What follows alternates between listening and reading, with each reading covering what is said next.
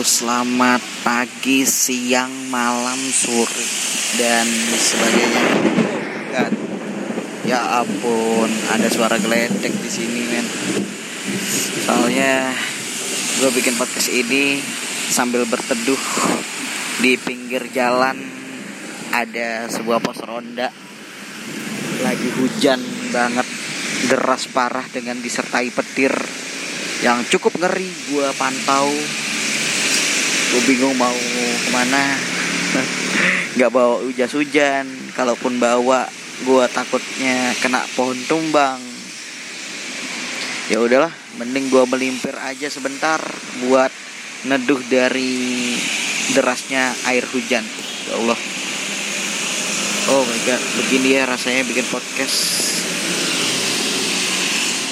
Di dekat pohon yang lebat banget. Ya ampun. Terus disertai badai petir dan angin kencang. Semoga suara gue tetap jelas ya. Karena gue bikin podcast ini dengan keterbatasan alat handphone dan headset.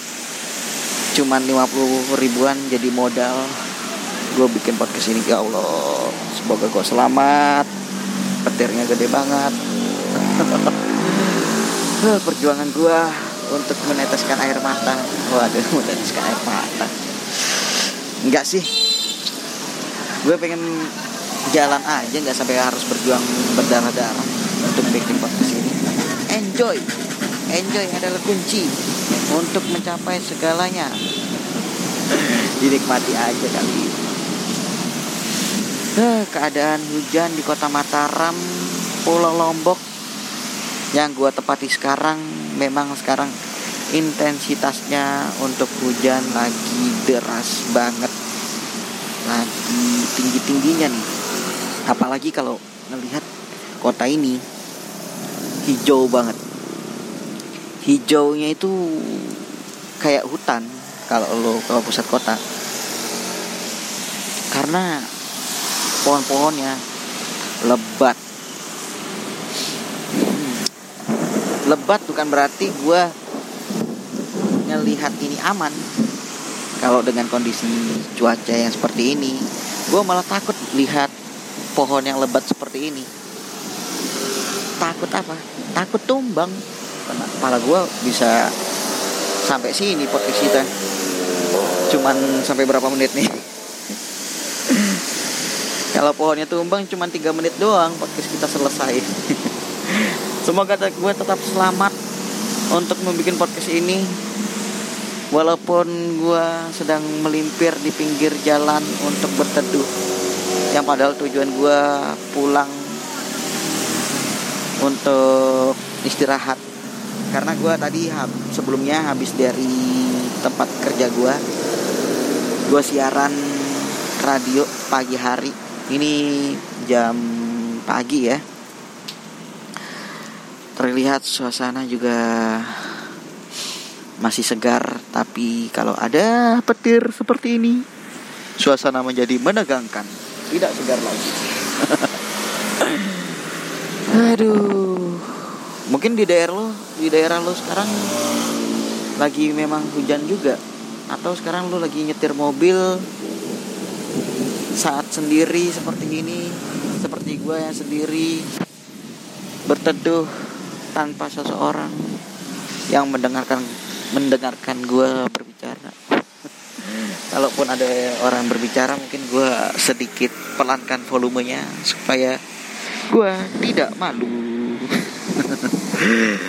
Kenapa gue masih malu? Karena gue masih bikin podcast ini baru beberapa minggu saja. Bukan beberapa bulan beberapa minggu jadi ibaratnya gue masih ini masih bocah. Masih cok bocah bawang-bawangan anak bawang yang baru memulai sebuah podcast. Sebenarnya tadi gue pengen banget bikin podcast di atas motor. Berkali-kali gue coba. Ya ampun. Hasilnya gagal. Kenapa? Karena suara anginnya kenceng banget padahal ekspektasi gue kalau gue bikin podcast di atas motor tuh bisa suaranya ya paling nggak anginnya. Oh oh sebentar sebentar. Ada petir. Tidak kilat saja. Ya paling tidak setidaknya gue bisa mendapatkan inspirasi lebih banyak ketika di atas motor sambil berbicara seperti ini tapi situasi yang tidak memungkinkan karena angin yang kencang. Ya udahlah karena kondisi juga hujan gue melimpir aja di pinggir jalan. Ngobrol deh.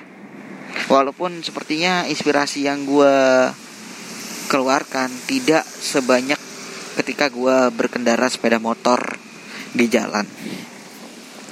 Ya nggak apa-apa ya nggak apa-apa ya nggak apa-apa asal gue masih banyak pendengarnya di Spotify ya. Gue mohon bantuannya untuk lo semua. Follow dong Spotify gue di Spotify gue di apa lagi? Ya di di Herda Mahesa pastinya. Tinggal lo klik ikuti atau follow. Lo bisa menikmati semua obrolan gue kegiatan gue bareng teman ataupun ya seperti saat sekarang ini. Berteduh di pinggir jalan saat hujan.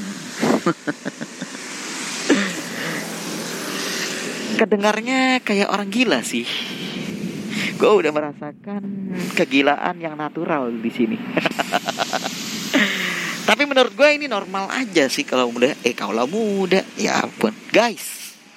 Kalau kaulah muda itu sebutan tempat pendengar gue di radio gue ini seorang penyiar radio. Gue pengen sih nyebutin tempat gue kerja tapi kemarin sudah sempat keceplosan. Mungkin lo bisa dengerin di podcast gue sebelumnya di mana tempat gue bekerja sebenarnya. Kalau kali ini di podcast ini kayaknya agak males gue nyebutin tempat gue kerja. Kenapa ya karena gue sempat tuh kejadian kena skandal kasus waduh skandal. Kasus yang sepele tapi bisa menjatuhkan gue itu bisa jadi menjatuhkan karir gue ya tapi semua itu gue ambil hikmahnya. Jadi pelajaran hidup untuk gue sendiri supaya tidak mengulanginya lagi mungkin buat lo yang penasaran apa kasusnya bisa dengerin juga podcast gue yang kedua setelah pembukaan apa adanya. Nah kali ini podcast yang keempat. Gue bikin di pinggir jalan. Ya seperti biasa ngobrol apa adanya tanpa ada teks tanpa ada alur cerita. Semuanya gue obrolin secara natural sesuai inspirasi yang di pikiran gue lewat aja jadi keadaan sekarang memang hujannya lebat banget. Tanah-tanah udah pada basah. Lobang-lobang jalan pada nggak kelihatan karena ketutupan air. Bahayanya resikonya ini kalau ada pengendara sepeda motor yang ngebut bisa celaka. Itulah peran pemerintah sebenarnya penting banget. Tapi kalau pemerintahnya nggak tanggap dan cepat ya peran dari pemerintah yang katanya penting di mana nih tanggung jawabnya? Mungkin buat lo seorang PNS atau kerja di pemerintahan yang dengar podcast ini di tanggal 18 Desember 2019 semoga lo bisa dengar karena banyak banget di daerah kota ibu kota kita sendiri di Nusa Tenggara Barat ini masih banyak jalan-jalan berlubang pohon-pohon yang mudah tumbang dan apalagi berita yang kemarin pernah gue dengar ada mobil sedan apa city car gitu peok karena terkena pohon tumbang tingginya itu sekitar 2 sampai 3 tingkat rumah bangunan. Bayangin aja. Pohon segede itu nombangin mobil sedan. Ya, nggak mungkin kalau mobilnya nggak peyok. Untung, untung orangnya nggak ada. Kemarin ada beberapa korban yang sampai meninggal tuh karena pohon tumbang. Pengendara sepeda motor lagi Aduh, gue kalau nyeritain bentuknya nggak tega mungkin lu nggak tega buat ngedengernya nggak tega buat lihatnya juga ya namanya musim hujan mulai dari pohon tumbang ibu-ibu tersambar petir kayaknya itu sudah menjadi berita wajib yang sering akan kita dengar setiap tahun dalam musim hujan ini. Hah, memang ya kalau udah musim hujan rasanya semua kenangan berasa lewat semua lewat dalam pikiran lo itu nginget ngingetin gue sama seseorang wanita yang gue pernah ajak dengan motor bebek gue nonton sepak bola di kota Surabaya. Kalau nggak salah persebaya lawan apa gitu lah. Kita hujan-hujanan. Dan ya dan berakhir nonton bola juga sih lu jangan berpikir macam-macam ya. Gue anak baik-baik. Gue tuh tipikal anak yang nakal juga enggak nakal yang biasa aja. Nakalnya ya nakal lo hanya sekedar ucapan omong kotor belakang nggak sampai ke tingkah laku. Gue nggak sampai kurang ajar anaknya. Biasa aja. Kalau sampai orang nganggap gue kurang ajar itu kayaknya belum orang tuh belum kenal gue siapa seperti apa gue tapi kalau orang nganggap gue asik sepertinya lo adalah sahabat gue yang sedang mendengarkan ini ya yeah. uh, tadi siaran rasanya kalau ngelihat terpantau cuaca yang gue lihat semua pulau Lombok ini hujannya deras banget. Jadi hujannya ini akan merata di seluruh satu pulau Lombok. Luar biasa pulau Lombok yang tidak terasa pedasnya ini bisa kita rasakan dengan suasana sejuk kita gua aja kali lo enggak karena gua ya sedang berada di sini buat lo yang pengen banget mungkin liburan tahun baru ke sini bisa kali ya. Untuk merasakan hujannya yang dingin. Terus ditambah lagi pegunungannya. Wah kalau lo ngedenger kabar tentang Lombok hanya sekedar pantai pantai pantai kayaknya lu kurang dalam deh membahas soal Lombok atau mencari tahu tentang Lombok kalau biasanya orang pada ngomongin pantai gimana kalau gue ceritain tentang uh, tempat pegunungan-pegunungan atau dataran tinggi yang wajib banget lo kunjungin saat lo berada di Pulau Lombok ini. Sorry ya podcast gue kalau ada suara geluduk-geluduk gini karena memang gue bikinnya di pinggir jalan ada suara mobil dengan kondisi cuaca hujan apalagi audio gua apa adanya tanpa ada sumbangan apa pun dari segala manusia yang ingin menyumbangkan boleh mungkin menyumbangkan mikrofon untuk gua. Mikrofon masjid. Wah terlalu gede dong podcastnya nanti. Nah sampai mana tadi? Oh ya gue pengen cerita tentang tempat wisata di lombok yang tidak berbau pantai ya. Mungkin kalau lo tahu mungkin pantai Gilitra, pantai Senggigi, pantai An, pantai Kuta, pantai Pink yang ada di Lombok. Mungkin udah biasa terdengar di segala macam berita-berita yang ada. Di segala media yang udah banyak orang posting. Nah, sebenarnya ada tempat rahasia nih yang wajib banget lo kunjungin kalau lo ke Lombok, terutama buat lo yang orangnya suka daerah dingin-dingin, adem-adem. Nah, tempat yang reko gue rekomendasiin kalau ke lo ke Lombok itu bisa langsung aja berangkat ke Tiu Kelep. Hmm, kenapa? Tiu Kelep itu adalah tempat dataran tinggi, air terjun yang indah banget. Kalau gue omongin tuh wah bisa tergambarkan kayak surga lebih apa ya? Lu mungkin tiba-tiba kalau udah masuk ke tiu club berasa kayak ada pintu masuk.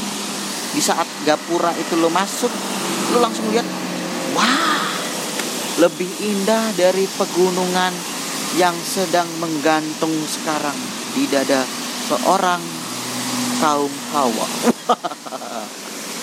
jangan lo bayangin yang itu ya. Yang jelas itu keindahan yang luar biasa. Kalau lo berangkat ke Tiu Club karena selain air terjunnya indah udara di sana seger banget men. Dan biayanya murah banget. Cuman bayar 10.000 perak dan uang parkir kira-kira 5.000 beres lo bisa sukses masuk ke surga dunia. Wajib banget lo cobain. Tapi hati-hati kalau lo mau berangkat ke sana. Karena batu-batuan di sana tuh licin banget. Sebaiknya lo pasang alas kaki yang bisa anti slip ya. Jadi lo gak tergelincir karena takutnya nanti kalau tergelincir dari batu-batuan itu bisa cedera yang sulit banget akses untuk medisnya dilakukan karena jauh dari rumah sakit jauh dari puskesmas segala macam itu hanya mungkin pertolongan pertama dalam kecelakaan doang ya yang bisa dilakukan saat lo terjadi situasi yang tidak lo inginkan ketika lo berada di Q Club. Terus destinasi selanjutnya lo bisa ke Narmada atau ke mana ya? Hmm. armada sorry. Gue lupa saking lama gak pernah ke sana karena memang ya karena gue sih bekerja jarang banget yang namanya wisata. Walaupun gue tinggal di tempat pulau kiblatnya orang berwisata di tempat ini uh, apa? Suranadi. Ya ampun ke Suranadi. Lu bisa coba tuh ke Narmada atau Suranadi. Di mana kalau lu masuk ke Narmada adalah tempat sejarah-sejarah ada di sana pura-pura. Berasa kayak di Bali deh kalau di Narmada lu masuk ke sana. Terus ke Suranadi juga gitu. Lu bisa nyobain kolam renang yang dingin banget. Walaupun kolamnya kotak gitu aja ya tapi sensasi mandi di sana tuh seger banget men. Apalagi udah habis mandi di Suranadi terus lu nyobain wisata kuliner. Tapi ntar dulu gue bahas nanti wisata kuliner yang satu ini. Mending gue bahas tempat rekomendasi yang lu bisa datengin ke Lombok selain kita bicarakan pantai. Nah tadi udah kan tiga destinasi mulai Tiu Club terus Narmada dan Suranadi. Terus apa lagi ya? Otak koko. Eh gak ada habisnya men. Banyak banget otak koko itu. Mending kalau lo penasaran ya otak koko itu seperti apa lo bisa searching aja di Google otak koko di klub Narmada Sri Suranadi. Terus apalagi otak koko gue jelasin dulu. Otak koko itu uh, menurut gue itu pemandian air terjun juga tapi uh, gue rekomendasiin untuk otak koko bandingkan tiu kelep. Lebih baik lu ke tiu kelep. Tapi kalau misalkan lu pengen gue ceritain tiu uh, otak koko itu seperti apa jadi otak koko itu ada sebuah kolam renang juga terus di atasnya nanti lo disambut dengan air terjun yang nggak seberapa gede seperti di tiu kelep. Jadi kalau lo pengen cari rajanya air terjun. Pilihannya tiu klub selain tiu klub lu juga bisa lewatin tuh sekaligus dua air terjun. Namanya itu sendang gile nah komplit kan? Tapi gue belum ngomongin bagaimana cara mendapatkan harga murah kalau lo berangkat ke Lombok kalau biasanya orang berangkat ke Lombok itu dengan pesawat guide yang ngalor ngidur harganya. Harganya tidak menentu. Mungkin dengan dengerin podcast gue lu bisa tahu kuncinya untuk berwisata ke sini. Anggap aja gue sekarang ini guide lu ya. Lo mending kalau dari Surabaya itu sangat hemat banget. Naik aja kapal bernama Legundi. Itu adalah kapal murah banget. Harganya cuman 78 ribu. Nggak tahu ya sekarang naik apa enggak karena terakhir kali gue naik Legundi itu dua tiga bulan yang lalu. Gue sempat naik. Udah berasa kayak naik pesawat VIP first class yang katanya Beb Barbie Kumalasari kalau naik first class bisa jadi 8 jam dari Indonesia ke Amerika. Wah tapi kalau ini gue jujur aja sih. Kalau lu naik Legundi sekitar 20 sampai 21 jam. Karena ya namanya naik kapal belum kena ombaknya belum lagi uh, jauhnya ya kan? Dengan harga 78.000 20 hari kalau lo nggak dikejar waktu di jalan sangat-sangat gua sarankan naik Legundi. Tapi kalau lo pengen apa ya cepat di jalan langsung pengen nyampe di Lombok karena dikejar waktu liburan lu ya udah naik pesawat pilihannya tapi mending ya udah cari aja di Traveloka atau di marketplace marketplace yang jual tiket online promo murah. Atau naik Air Asia yang sekarang ada promo 350 ribu.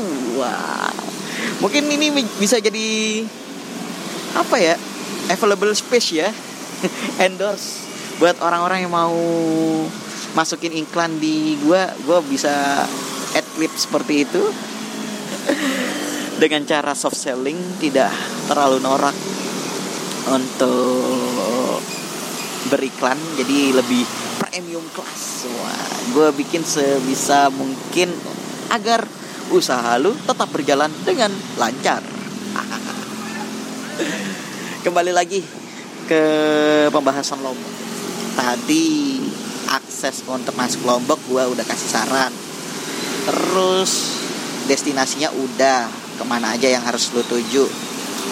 Dan jangan lupa kalau ke Lombok ke mana pun kamu berada kulinernya jangan lupa kamu harus cicipin satu persatu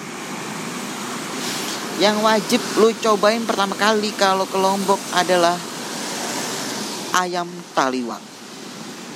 Ayam taliwang mungkin di beberapa daerah ada yang jual. Tapi kalau ayam taliwang di sini originalnya ayam taliwang. Uh, gua gua nggak bisa ngasih tahu ayam taliwang mana yang enak bisa lo cicipin karena menurut gua ayam taliwang di mana aja rasanya ya begitu doang. Hampir semua orang Lombok sangat perfect untuk membuat sebuah makanan ayam taliwang. Menurut gue, eh, kayaknya semua orang Lombok jago-jago deh bikin ayam taliwang karena semua rasanya nggak ada yang bisa gue bandingin dengan rasa-rasa lain gitu loh. Terus yang kedua,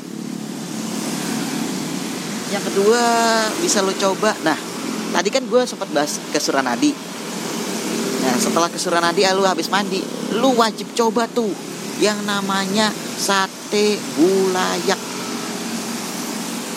Itu sate ayam yang terdiri dari jeroan-jeroan ayam terus ditambah dengan bumbu-bumbu khas banget. Nggak ada yang bisa niru di daerah lain.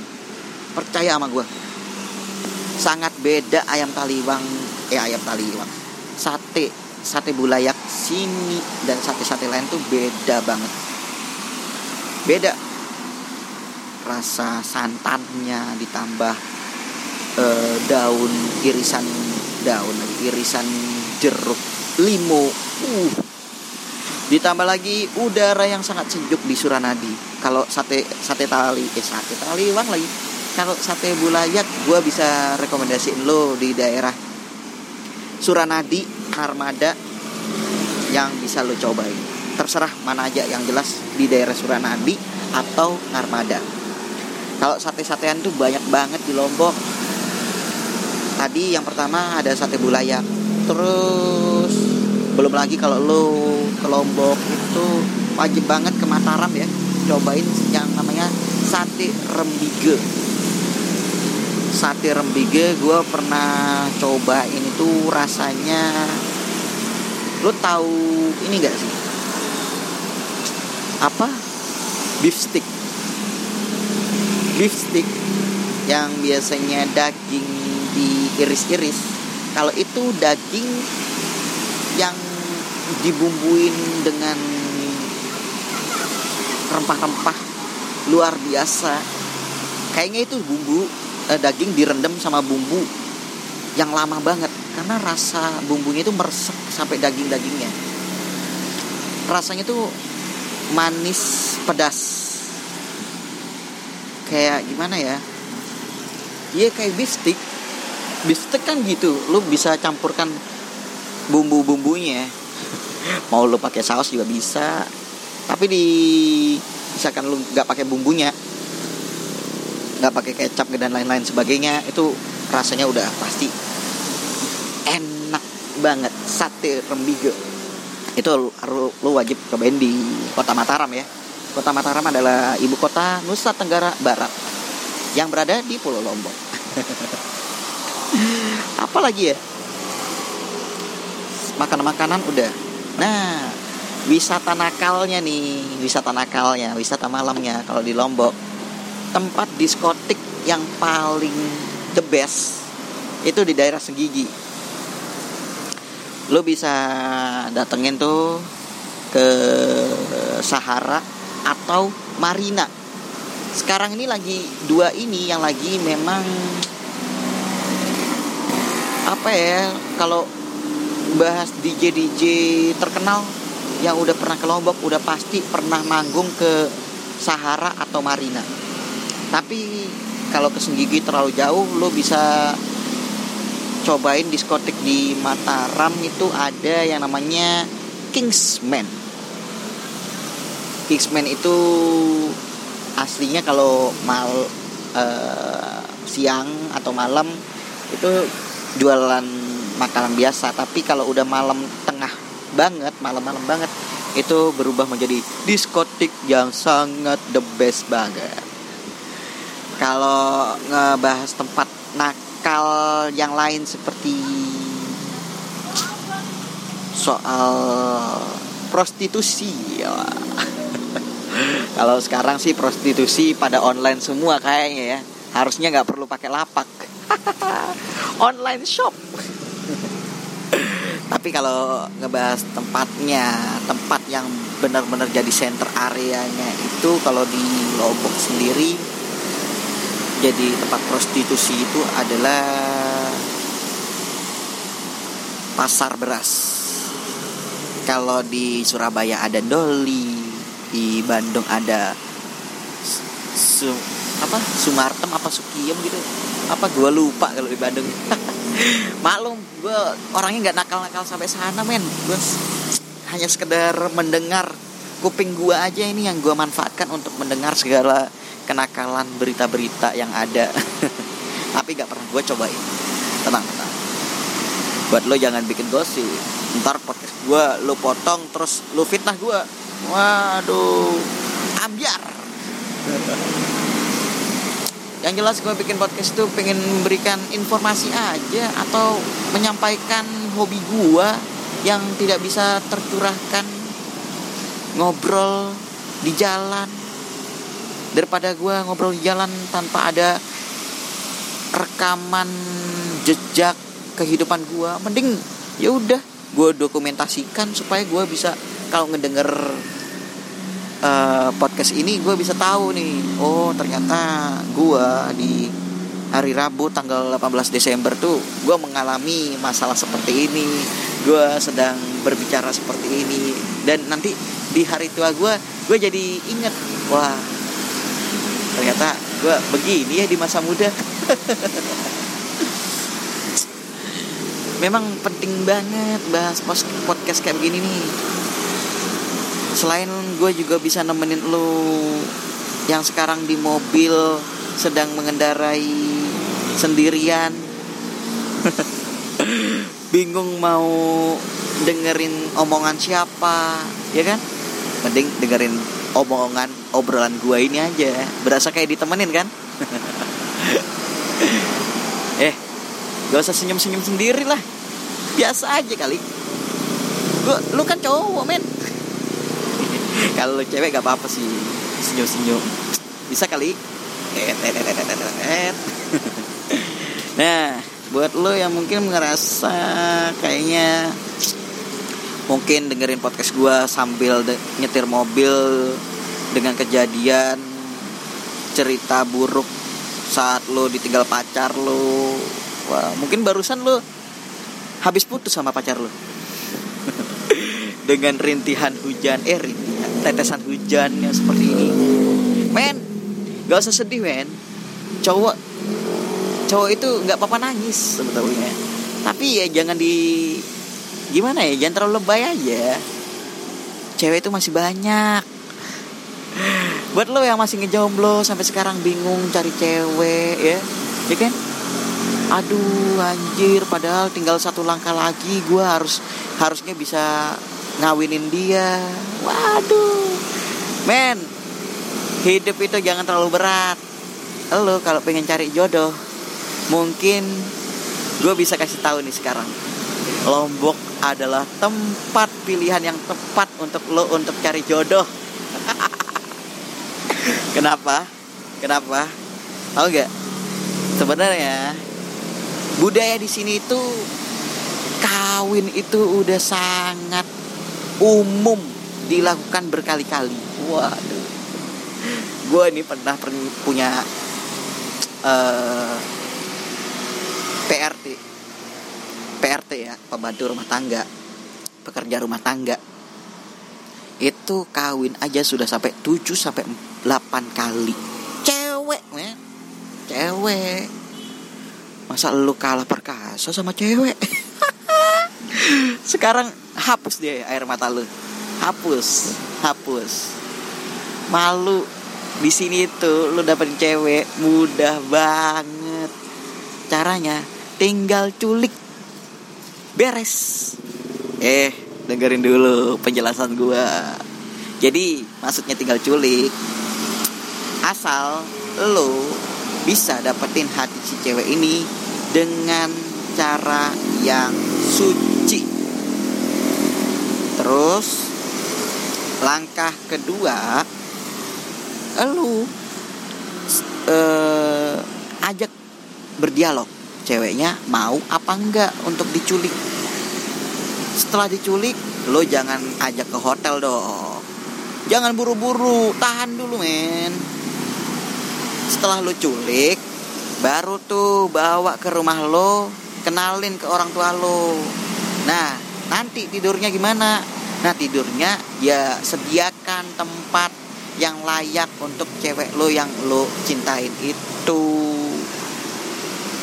jadi begitu prosedur pernikahan yang unik banget di Lombok.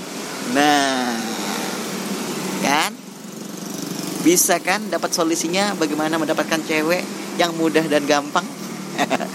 Bukan berarti gue mengatakan cewek-cewek Lombok itu murahan ya. Uh, gini, sebenarnya saat gue tahu cerita ini gue cukup kaget juga. Jadi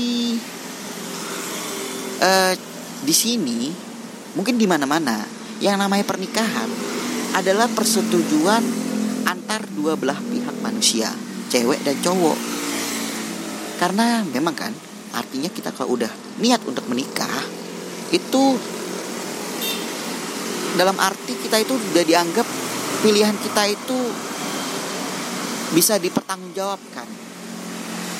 Nah, maksud dan tujuan budaya sini memberikan kebebasan seperti itu tuh maksudnya supaya lo bisa memilih kehidupan lo dengan secara konsisten dan komitmen yang benar.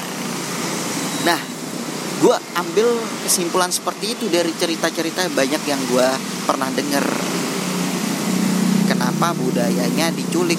Justru kalau lu lamar baik-baik, orang sini itu malah tersinggung, berasa nggak dihargain.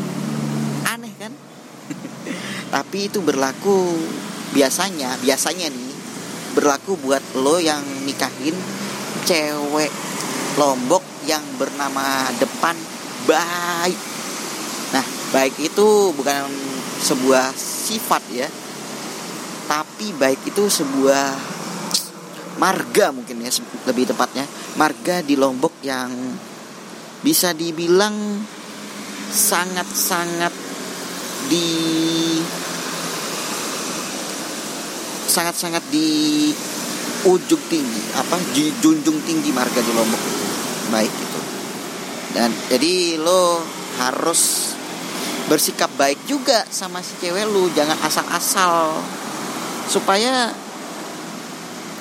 semua berjalan dengan baik. Yes buat lo yang mau segera menikah mungkin Lombok jadi solusinya. Segeralah segeralah menikahkan diri lu di pulau yang indah ini. Tapi di sini tuh kalau udah ngomongin nikah nggak asal-asalan. Nggak bisa acara kecil-kecilan acaranya gede-gedean. Kalau lo orang kaya mungkin sangat mudah dapetinnya karena hanya sekedar makan-makan makan-makan tradisional gitu. Jadi tapi buat lo yang belum bekerja atau masih menganggur sebaiknya hati-hati ajak cewek lo terutama kalau lo pacaran sama cewek lombok. Karena kalau lo bawa dia kabur 2-3 hari ntar orang tuanya pada nyari. Ngiranya lo itu lagi berencana untuk membuat langkah menikah. Kalau misalkan mereka menganggap seperti itu terus keadaan ekonomi lo belum siap kan bisa berbahaya. Lo mau kasih makan apa istri lo? Lo mau kasih makan apa buat anak lo? Bener gak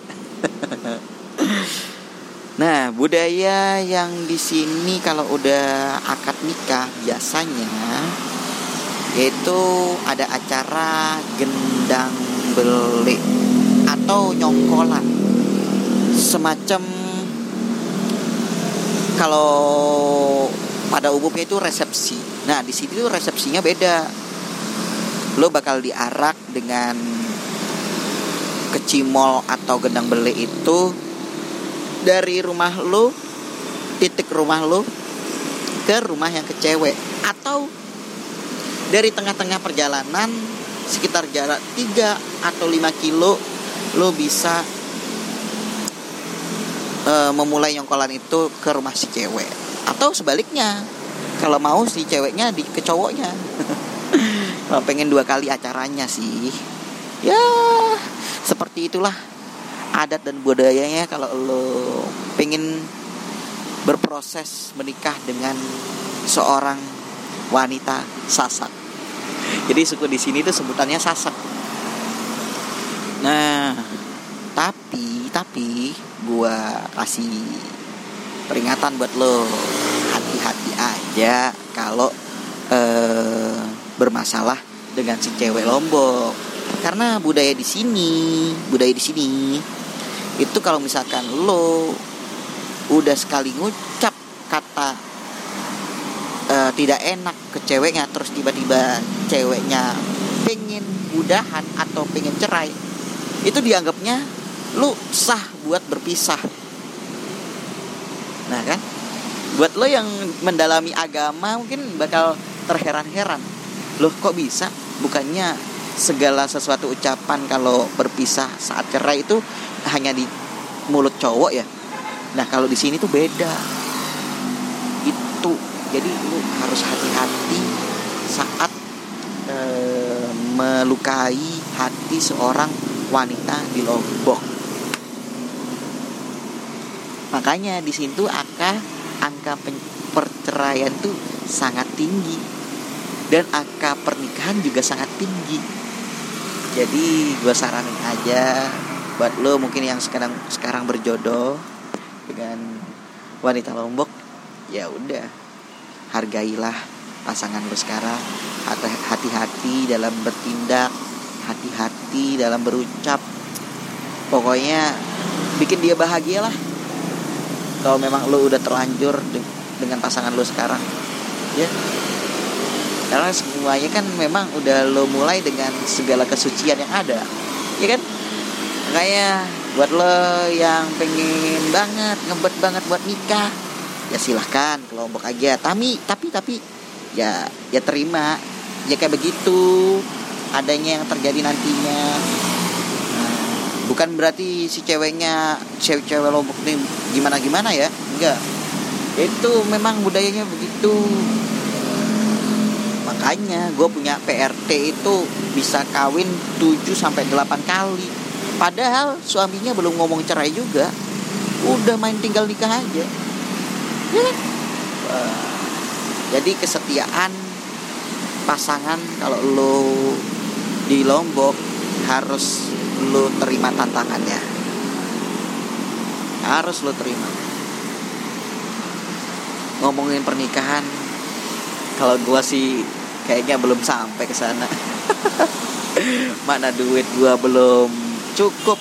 Lu bandingin aja kalau ngomongin duit siaran. Aduh dua lipat amplop aja tuh. Masih tebelan dua lipat amplop kali ya. Masih belum siap gue tapi kalau udah dikatakan mental gue siap. Untuk ditanya soal keuangan gue belum. Sangat belum. Kalau misalkan gue dapat cewek tajir walaupun mobilnya dua tiga empat lima rumah gede tanah luas. Gue lebih baik mundur. Kenapa? Gue megang teguh nih. Yang namanya cowok adalah seorang pekerja yang wajib menafkahi seorang istri. Yang di mana cowok itu bertanggung jawab segalanya. Gak hanya segi keuangan saja itulah sebab gue kayaknya berpikir seribu kali untuk menikahi atau menghamili seorang wanita yang berada di Lombok ini. Ya siapa pun itu. Wanita yang ada. Mungkin jodoh gue gue berharap sih bisa cantik soleh. Udah beres perhatian dan pengertian. Udah beres itu aja. Gak usah tajir-tajir banget mungkin kalau gue dapatnya cewek tajir ya mungkin itu adalah bonus buat gue ya bonus kayak ini aja undian berhadiah wah Sepertinya gue udah ngobrol terlalu lama nih sama lo semua bikin podcast ini. Hujan juga udah mulai berhenti, tidak terlalu deras di pagi hari ini. Gue udah ngobrol 43 menit lebih 44 detik. Wah. Ini sebenarnya podcast yang single pertama gue karena sebelum-sebelumnya gue sama temen ngobrolin hal yang ngelantur bla bla bla itu dan kali ini adalah podcast pertama eh, podcast keempat yang gua kontennya sedikit berbeda ya ini kayak campur sari lah podcast ini mau arahnya ke mana yang jelas gue memberikan masukan dan edukasi. Ah tidak edukasi juga. Hiburan lah buat lo. Di samping lo sendirian nyetir di jalan daripada lo bengong mikirin segala masalah gue berusaha ada di samping lo untuk lo dengerin. Gue seneng banget bisa bercengkrama wah bercengkrama bercerita seperti ini ke lo. Apalagi motivasi gue kalau udah mulai meningkat ngelihat anchor gue pendengarnya udah makin naik. Itu adalah sebuah mood booster buat gue untuk membuat sebuah podcast ini. Yaudah itu aja obrolan gue yang cukup lama dan singkat padat ngalor ngidul ke mana-mana. Sepertinya gue berharap lu juga ngefollow Spotify gue ya. Klik Herda Maesa atau lu bisa cari judul-judul podcast gue mulai dari perkenalan apa adanya. Apa adanya apa perkenalan seder sederhana ya? Gue lupa. Perkenalan apa adanya deh kayaknya. Dan coba langsung aja searching Herda Mahesa terus lu follow dan ikutin podcast gue nah, kalau udah lo follow jangan lupa dengerin semua podcast gue yang ada di station gue ini ya. Oke gue Herda Mahesa pamit undur diri dari podcast ini. Selamat menikmati podcast selanjutnya dan sampai jumpa. Wassalamualaikum warahmatullahi wabarakatuh. Selamat siang sore malam dan petang buat lo semua. Semoga lo bahagia dan sebarkan kebahagiaan untuk semua orang